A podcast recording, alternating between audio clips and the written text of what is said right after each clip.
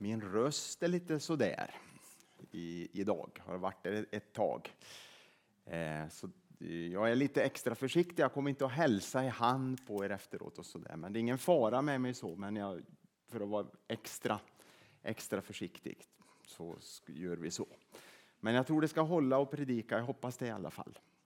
Annars eh, får jag väl gå ner för landning mitt i predikan och så får vi sjunga lite och så där.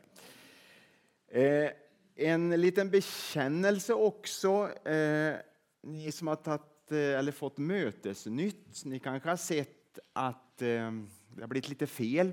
Sådär.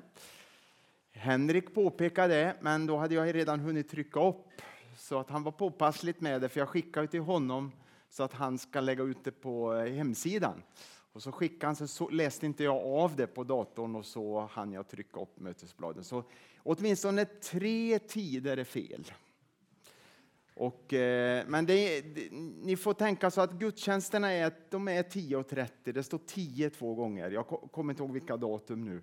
Och sen står det 19 en tisdag, en bönesamling, men det är 10 som vanligt också. Så tänk på det att det har blivit lite fel där. Så är det något som är lite ovanligt med tiden så, så är det jag som har eh, rört till det. Temat idag är tacksägelse, tänker jag tala om.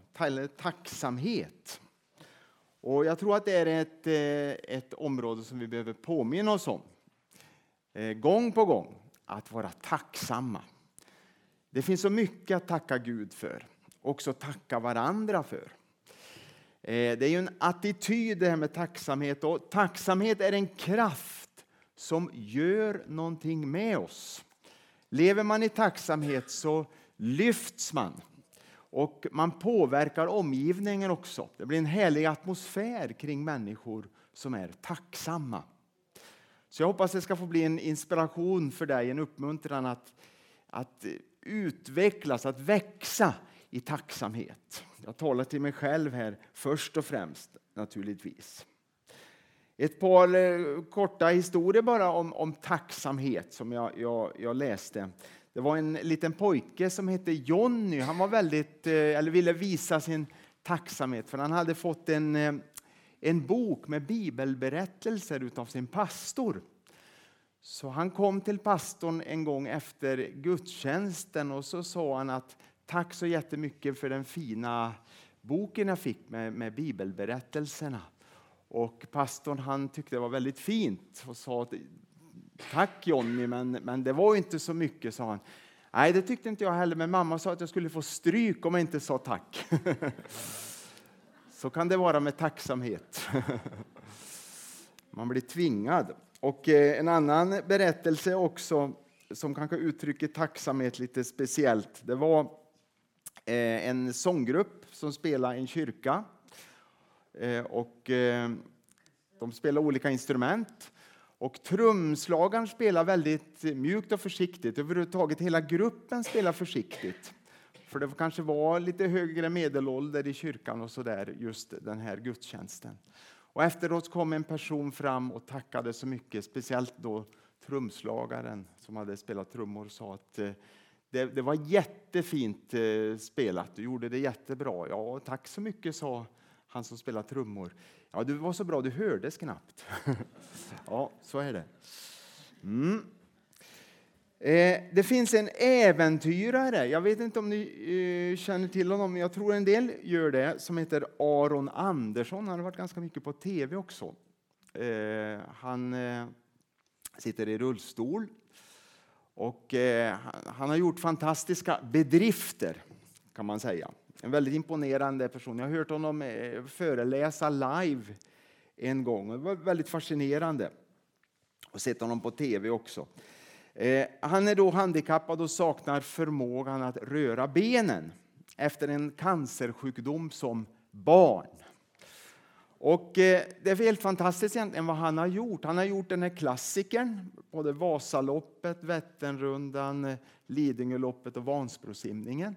Han har bestigit två höga bergstoppar, Kilimanjaro i Afrika, inte så dåligt, och Kebnekaise i Sverige. Eh, han har simmat över Ålands hav, eh, i alla fall en viss sträcka, jag tror det var 33 kilometer han simmade. Och han har gjort mycket, mycket annat också. Han har varit med i Paralympics och så här och tävlat. Och eh, han har gjort det genom, han berättar om sin vilja och mental träning. Men sen nämner han det viktigaste. Och vet du vad det är? Det viktigaste, viktigaste ingrediensen som har hjälpt honom genom livet, det är tacksamhet. Och han berättade att när han var litet barn och låg på sjukhus så var det alltid sådana som hade det värre än han. Han märkte det redan när han var barn.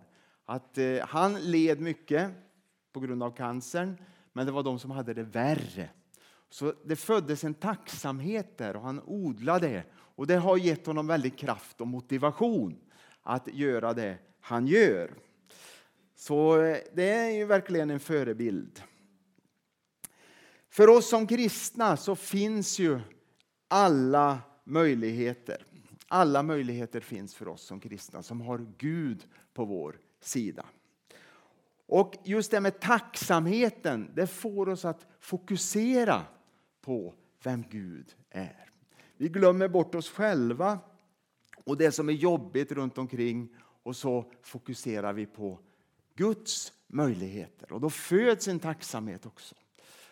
Och också det här att, att vi får tillhöra honom, att Jesus har frälst oss, vad korset betyder.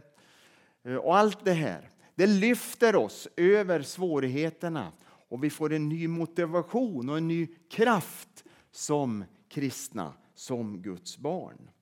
Och alla hinder som reser sig upp, som kan verka så stora, de blir ju väldigt små då när man är fylld av tacksamhet och man förstår vilken Gud man har med sig. Det finns exempel på tacksamma människor som sprider en atmosfär av himlen runt omkring sig.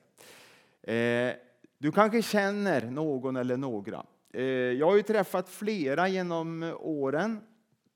Människor som har betytt väldigt mycket. Och De har haft en speciell atmosfär och det har gjort att man har blivit uppmuntrad och verkligen lyft när man har umgåtts med de människorna.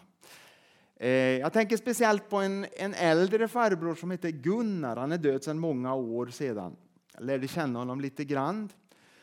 Och, eh, det var en människa som utstrålade oerhört mycket tacksamhet till Gud. Han uttryckte det också muntligt att han var så tacksam till Herren. Och Det som kännetecknar honom och andra människor som man har träffat som har varit tacksamma, det är att de inte haft så lätt liv han har gått igenom väldigt mycket lidande och svårigheter. Eh, Gunnar hade det väldigt svårt. Han berättade någon gång så där hur det var. Och första gången jag träffade honom då hade, var hans, levde hans fru också. Hon mådde väldigt, väldigt dåligt psykiskt, hade gjort det väldigt, väldigt många år. gick nästan liksom inte att få någon kontakt med henne, men hon bodde hemma. Han hade en son som var eh, hjärnskadad hade det, hade det jobbigt också. Han bara en son, han var eh, adopterad. Men så berättar han att, han, eh, att frun blev så sjuk. Det var eh, när de hade tagit hand om ett litet barn, en liten pojke som var nyfödd. Inte adopterat, men tagit hand om honom, om honom. Och de trodde att de skulle få behålla honom. Och de hade honom ett år, sen ville föräldrarna ha tillbaka honom. Och han, han var väl kanske bara drygt ett år, lite mer. Så de hade ju haft honom ända sedan, man kan säga nästan från början. Då. Och eh, de hämtade honom och de fick aldrig se honom mer. Och efter det så blev frun eh, sjuk psykiskt. Och eh, han berättar då att eh, han minns sista natten och det var väldigt starkt att höra sista natten de hade pojken och hur det var. Och så där. Sen bestämde de sig ändå att de skulle eh, adoptera en, en, en, en, en son ändå. Och de visste att den här sonen han var, hade en skada på hjärnan. Men han sa så här att är det någon som behöver ett hem så är det den pojken. Så de tog hand om honom och han, eh, han hade en skada. Jag, jag träffade honom när han var väl kanske i tonåren någonting, men det märktes att han, han inte var frisk så riktigt. Men han utstrålar sån tacksamhet och arbetskamrater sa att är det någon som är kristen, han jobbar på en industri, en metallfabrik, är det någon som är kristen så är det Gunnar, sa de som inte var med i församlingen. Mm. För han hade sån utstrålning och sån atmosfär omkring sig. Du har säkert träffat sådana människor också, eller känner sådana människor. Men de betyder någonting och de gör någonting med dig. De har en speciell atmosfär. Och det är inte alltid säkert de har haft sånt lätt liv att leva. Men de är fyllda av tacksamhet, av himlen i sitt hjärta. Det är motsatsheten till kravfylldhet och bitterhet. Hebreerbrevet 12 och 15 så står det så här att Vaka över att ingen kommer bort från Guds nåd och att inte någon bitter rot skjuter skott och blir ett fördärv som angriper många. Det är motsatsen, bittra rötter. Jag ska läsa en huvudtext nu, sen ska jag gå och, eller citera några citat från Paulus efter det. Men jag ska läsa den texten som jag ska återkomma till sen i avslutningen av predikan lite kort. Och det är Lukas 17 kapitlet 11 till 19. Lukas 17, 11 till 19. Jag tyckte den eh, bibeltexten passade väldigt bra till det här temat. Och Det handlar om tio spetälska som botas. Och Det är Jesus som gör ett under här. Under sin vandring mot Jerusalem följde han gränsen mellan Samarien och Galileen. När han var på väg in i en by kom tio spetälska emot honom. De stannade på avstånd och ropade Jesus, Mästare, förbarma dig över oss. Då sa han till dem, gå och visa upp er för prästerna. Och medan de var på väg dit blev de rena. En av dem vände tillbaka när han såg att han hade blivit frisk. Med hög röst prisade han Gud och kastade sig till marken vid Jesu fötter och tackade honom. Han var samarier. Jesus frågade, blev inte alla tio rena? Var är de nio andra? Är det bara den här främlingen som har vänt tillbaka för att ge Gud ära? Och han sa till mannen, stig upp och gå, din tro har hjälpt dig. Amen. Vi ska snart komma tillbaka till den texten, ska ha några kommentarer där. Men först några Paulus-citat eh, om tacksamhet. Och Det är från hans brev i Nya testamentet, bara några sådär korta. Kolosserbrevet 3 och 17 så står det så här. Låt allt vad ni gör i ord och, eller handling ske i Herren Jesu namn och Tacka Gud Fadern genom honom. Alltid tacka Gud Fadern. Och det vi gör, att vi ska göra det i Jesu namn. Så vi gör det i tacksamhet. Är man osäker om någonting så kan man fråga sig, kan jag göra det här i Jesu namn och göra det i tacksamhet till Gud? Då kan jag göra det. Kan jag inte göra det så är det tveksamt om jag ska göra det överhuvudtaget. I Fesebrevet 5 och 20 läser vi och tacka alltid vår Gud och Fader för allt i vår Herre Jesu Kristi namn. Att alltid leva i tacksamhet. Återigen betonar Paulus det. Första Thessalonikerbrevet 5, 17 och 18 så står det så här att be ständigt och tacka hela tiden Gud. Inte ibland, utan hela tiden Gud, också alltid. Paulus skriver i första Timoteusbrevet 1 och 12. Jag tackar honom som har gett mig kraft, Kristus Jesus vår Herre, för att han fann mig värd förtroende och tog mig i sin tjänst. Att tacka Gud för han har gett mig kraft. Han har gett mig förtroende. Det är också någonting stort. Paulus förstod att tänk att jag har fått ett förtroende av himmelens Gud och skapare. Och också tjänsten som han hade fått, Paulus. Men vi har också fått en tjänst, så vi har anledning att tacka Gud alltid för det förtroende han gett oss och den tjänsten vi är satta i att förvalta. Första Korintierbrevet 15 och 57. Gud vare tack som ger oss segern genom vår Herre Jesus Kristus. Tacka Gud för segern. Det är inte så att det ska bli seger en dag. Det ska, vi ska se det fullbordat när ondskan är utplånad. Det, det, är sant och det blir fullkomligt i himlen. Men redan här och nu lever vi i seger. För Jesus har vunnit seger över ondskans makter. Redan här och nu så vi har anledning att tacka Gud för segern. Kolosserbrevet 1 och 12. Och ni skall tacka Fadern som har gjort er värdiga att få del av det arv som väntar det heliga i ljuset. Ett arv som väntar oss. Att redan nu, här och nu kan vi tacka för vad som väntar i framtiden. Himlen, arvet. Vi har någonting att se fram emot. Så vi, det finns anledning att tacka Gud.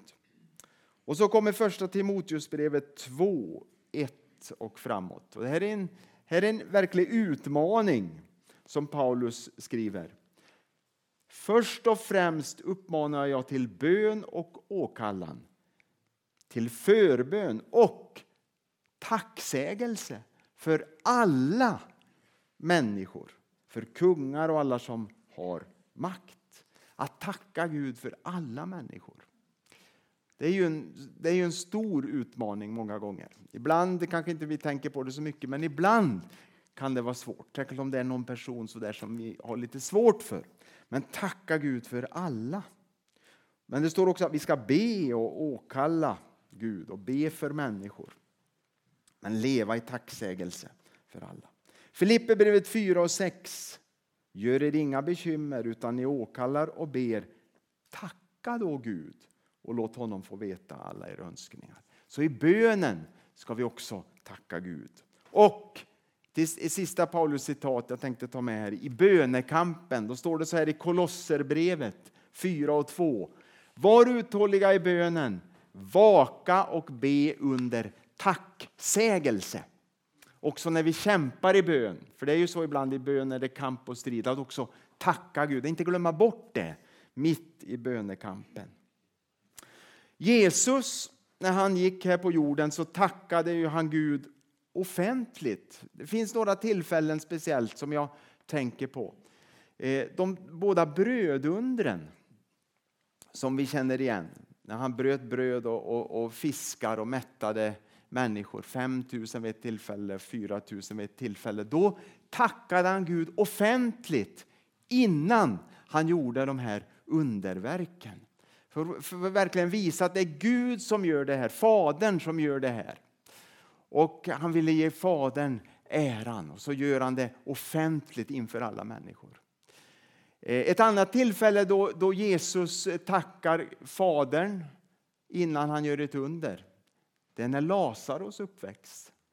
Då tackar han också Fadern innan undret sker. Innan brödsbrytelsen också, innan han bryter brödet och delar vinet. Han tackar Gud. Tacksägelse. Några exempel från Jesu liv här på jorden. Nu tillbaks till den här bibeltexten då, i avslutningen. Och det är Lukas 17 kapitlet vi ska titta på här. Och det är de här spetälska som kommer, eller som möter Jesus. Och eh, de står på avstånd och så ber de och de ropar på hjälp från Jesus. De visste att han kunde göra under och de visste att han kunde förvandla deras situation. Åtminstone en var samarier. Det förstår vi av texten. Vi vet inte riktigt om det var fler som var samarier, men en var samarier. Det var han som vände tillbaks för att tacka. Och det var en lite speciell situation, samarier och judar. Samarierna var ju en blandning av hedningar och judar och det går tillbaks till gamla testamentet det här. Och de tillbad inte Gud i Jerusalem som judarna gjorde. Och det, var, det, var, det var en del annorlunda. Och Jesus han möter ju många gånger, i alla fall vid några tillfällen, samarier. Han tar, han tar ju vägen genom Samarien och, och, och, och de blir inte mottagna vid ett tillfälle. Och eh, ett tillfälle så talar han med den samariska kvinnan också. Och den, den barmhärtige samarien känner vi igen också. Eh, liknelsen om den barmhärtige samariten. Det är också intressant. Så, så samarier förekommer flera gånger. Och här var det en samarier då som, som vände tillbaks och tackade Jesus för undret. Så vi vet i alla fall att en var samarier. Tragedin förenade de här sjuka, spetälska. Spetälskan var en väldigt hemsk sjukdom som gjorde att människor gick mot en säker men långsam död. Och de här personerna de tänkte nog inte så mycket på om de var samarier eller judar. Det berättas om man, när man läser om det här med spetälska på den här tiden att de bodde ofta tillsammans. Men gudsbehovet och nöden drar människor från olika bakgrund, drar människor samman. Och man kan samsas, eh, säkert var det konflikter också, men fast man är olika så tänker man inte så mycket på det utan man kan ändå leva tillsammans för den här, den här, den här nöden, den här sjukdomen förenade dem. Vi kan ta en bild också från, från djurens värld. Till exempel om det är en väldigt stor översvämning, naturkatastrof och, och eh, det blir översvämningar överallt så kan man se att det finns olika djurarter som kan samsas på en väldigt liten yta fast det är rovdjur och deras byten. Men de gör inte varandra någonting. Men de kan liksom samsas. De, de lever liksom i fred, i alla fall en kort, kort tid där på den, den ytan eh, som inte är översvämmad.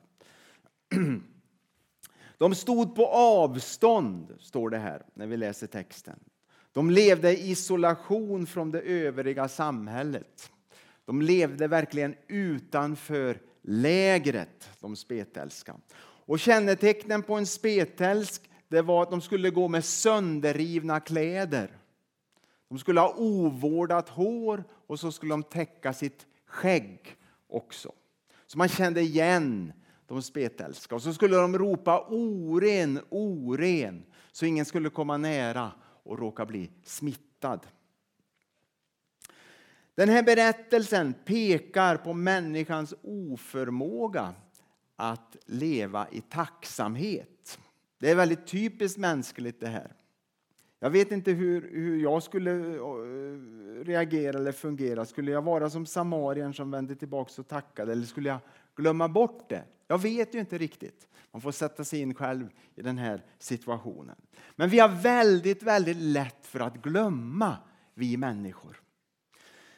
Några exempel gentemot våra föräldrar. Jag tänker på att uttrycka tacksamhet. När vi var riktigt små så skulle vi inte ha överlevt många dagar utan mamma och pappa.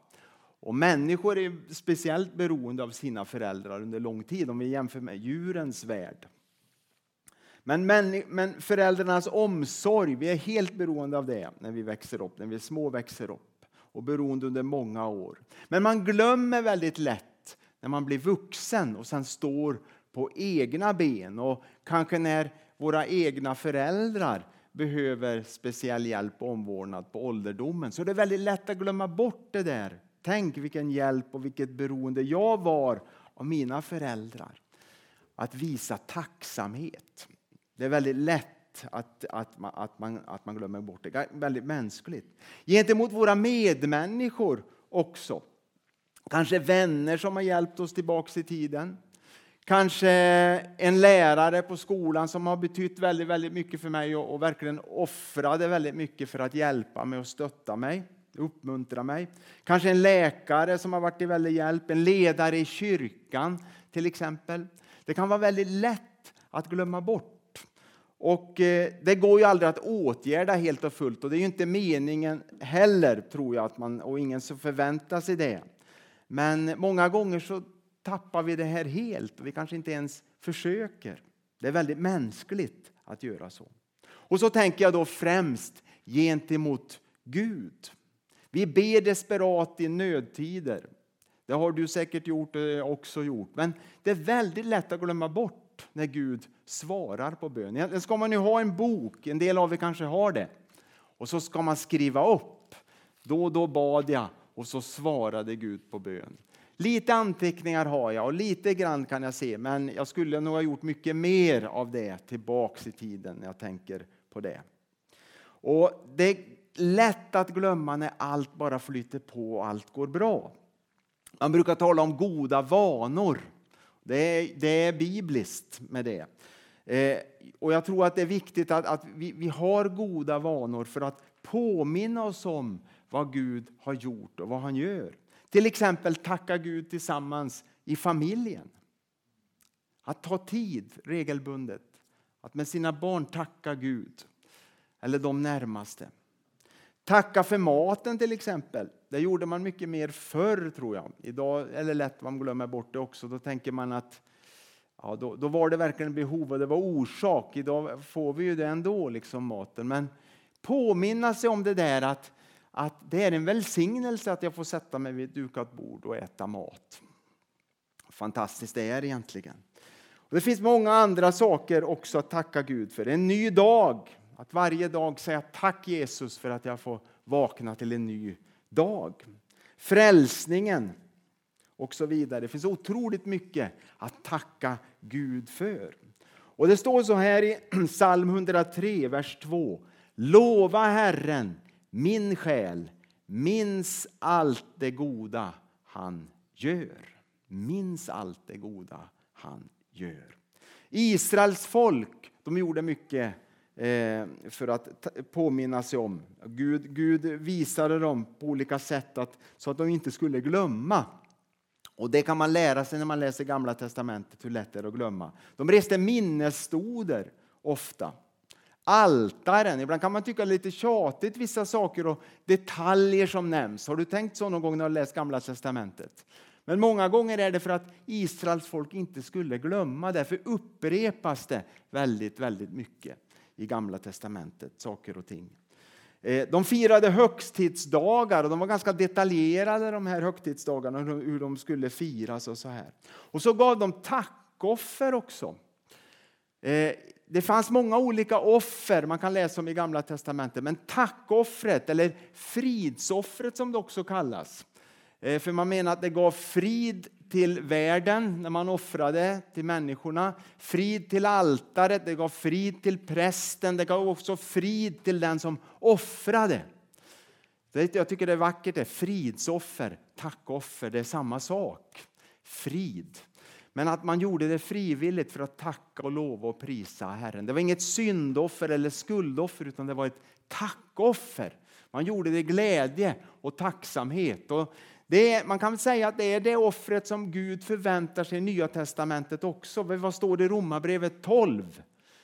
Paulus säger att vi ska frambära oss själva som ett levande offer. Det är inget skuldoffer, för det har Jesus redan han har offrat sig en gång för alla. Inget syndoffer. Det är ett tackoffer. I tacksamhet, frivilligt. För vi har valt att följa Jesus. Och vi säger tack Jesus, nu får du hela mitt liv. Jag frambär mig till dig, för du har gett hela ditt liv till mig, eller för mig. Så tackoffret var en påminnelse också för vad Gud hade gjort, att han aldrig kom att överge Israels folk, också hans gärningar tillbaks. De här tio spetälska då, vad skulle de göra? Jo, de skulle gå och visa sig för prästen, säger Jesus. Gå och visa er för prästen, för det var liksom det, enligt lagen skulle man göra det. Och deras tro, tro prövades verkligen, för det här gällde det att tro vad Jesus hade sagt och så gick man för att visa sig för prästen att man var frisk. Och alla trodde. Alla tio gick. Men det var bara en som återvände. Innan han gick till prästen antagligen, på vägen dit, så såg han Wow, jag är ju frisk! Så han vände tillbaks till Jesus för att tacka honom. Och glädjen i den nya situationen, det gör lätt att vi glömmer. Jag är övertygad om att de andra nio var oerhört glada också för att de hade blivit friska. Men de vände inte tillbaks för att tacka Jesus. Det var bara en som vände tillbaks och han var samarier, står det. Och vad blev Jesus när, eh, hur reagerade Jesus när han kom tillbaks, den här mannen? Han blev förvånad. Han blev förvånad att det var bara en som kom tillbaks och tackade. Så det är som att Jesus han väntar att vi ska visa tacksamhet över det han gör. Han, han gläds när vi, när vi visar tacksamhet. Och mannen som vände tillbaks var den enda som fick höra orden Din tro har hjälpt dig. Eller som det också har samma betydelse, din tro har frälst dig. Kan det också betyda. Det var bara en som fick höra de orden. Så tacksamhet är viktigt. Och Vi behöver odla det. Och Det gör någonting med oss när vi tackar Gud och lever i tacksamhet. Även om vi kanske inte alltid känner för det och kanske det känns tungt och svårt. Men ändå att vi uttrycker tacksamhet till Herren och tacksamhet till varandra, till våra medmänniskor. Det gör någonting med oss som människor och vi får en annan atmosfär omkring oss som påverkar vår omgivning på ett positivt sätt. Så jag skulle vilja uppmuntra dig att uttrycka tacksamhet. Jag tror vi kan lära oss att göra det. Det är inte bara känslomässigt så spontant. För skulle vi bara följa känslorna då, då skulle det bli, bli, lite hit och dit med våra liv. Men vi behöver lära oss att göra det här oavsett hur vi känner det. Att uttrycka tacksamhet och visa tacksamhet till Herren och till vår omgivning. Gud välsigne dig. Herre, tack för ditt ord som vi får läsa den här söndag förmiddagen. Tack att du vill lära oss och undervisa oss, Herre. Tack att vi får påminna oss gång på gång vad du har gjort och vad du gör och vad du kommer att göra, Herre, för oss. Tack att du alltid är med oss. Tack att du aldrig överger oss. Tack att du välsignar oss, Herre. Tack för allt gott som du ger oss, Herre. Vi prisar dig för det. Tack att vi får tillhöra dig och tack att vi får vara dina barn, Herre. Tack att du vill fylla våra hjärtan med glädje, Herre. Glädje den här stunden, Herre. Tack att vi får prisa och lova dig för vad du har gjort, Herre. Herre, vi kanske inte eh, vi kanske brottas med olika saker och vi har olika ryggsäckar vi, har, vi bär på, Herre. Men tack att vi får uttrycka vår tacksamhet i vilken situation vi än befinner oss i, Herre. Och tack att du Tack att du genom tacksamheten kan lyfter av det som är tungt, det som gör att det blir väldigt svårt att leva, Herre. Vi prisar dig för det, Herre. Tack att det finns hjälp att få. Åh, Herre, vi lovar ditt namn. Tack att du hjälper oss i Jesu namn. Amen.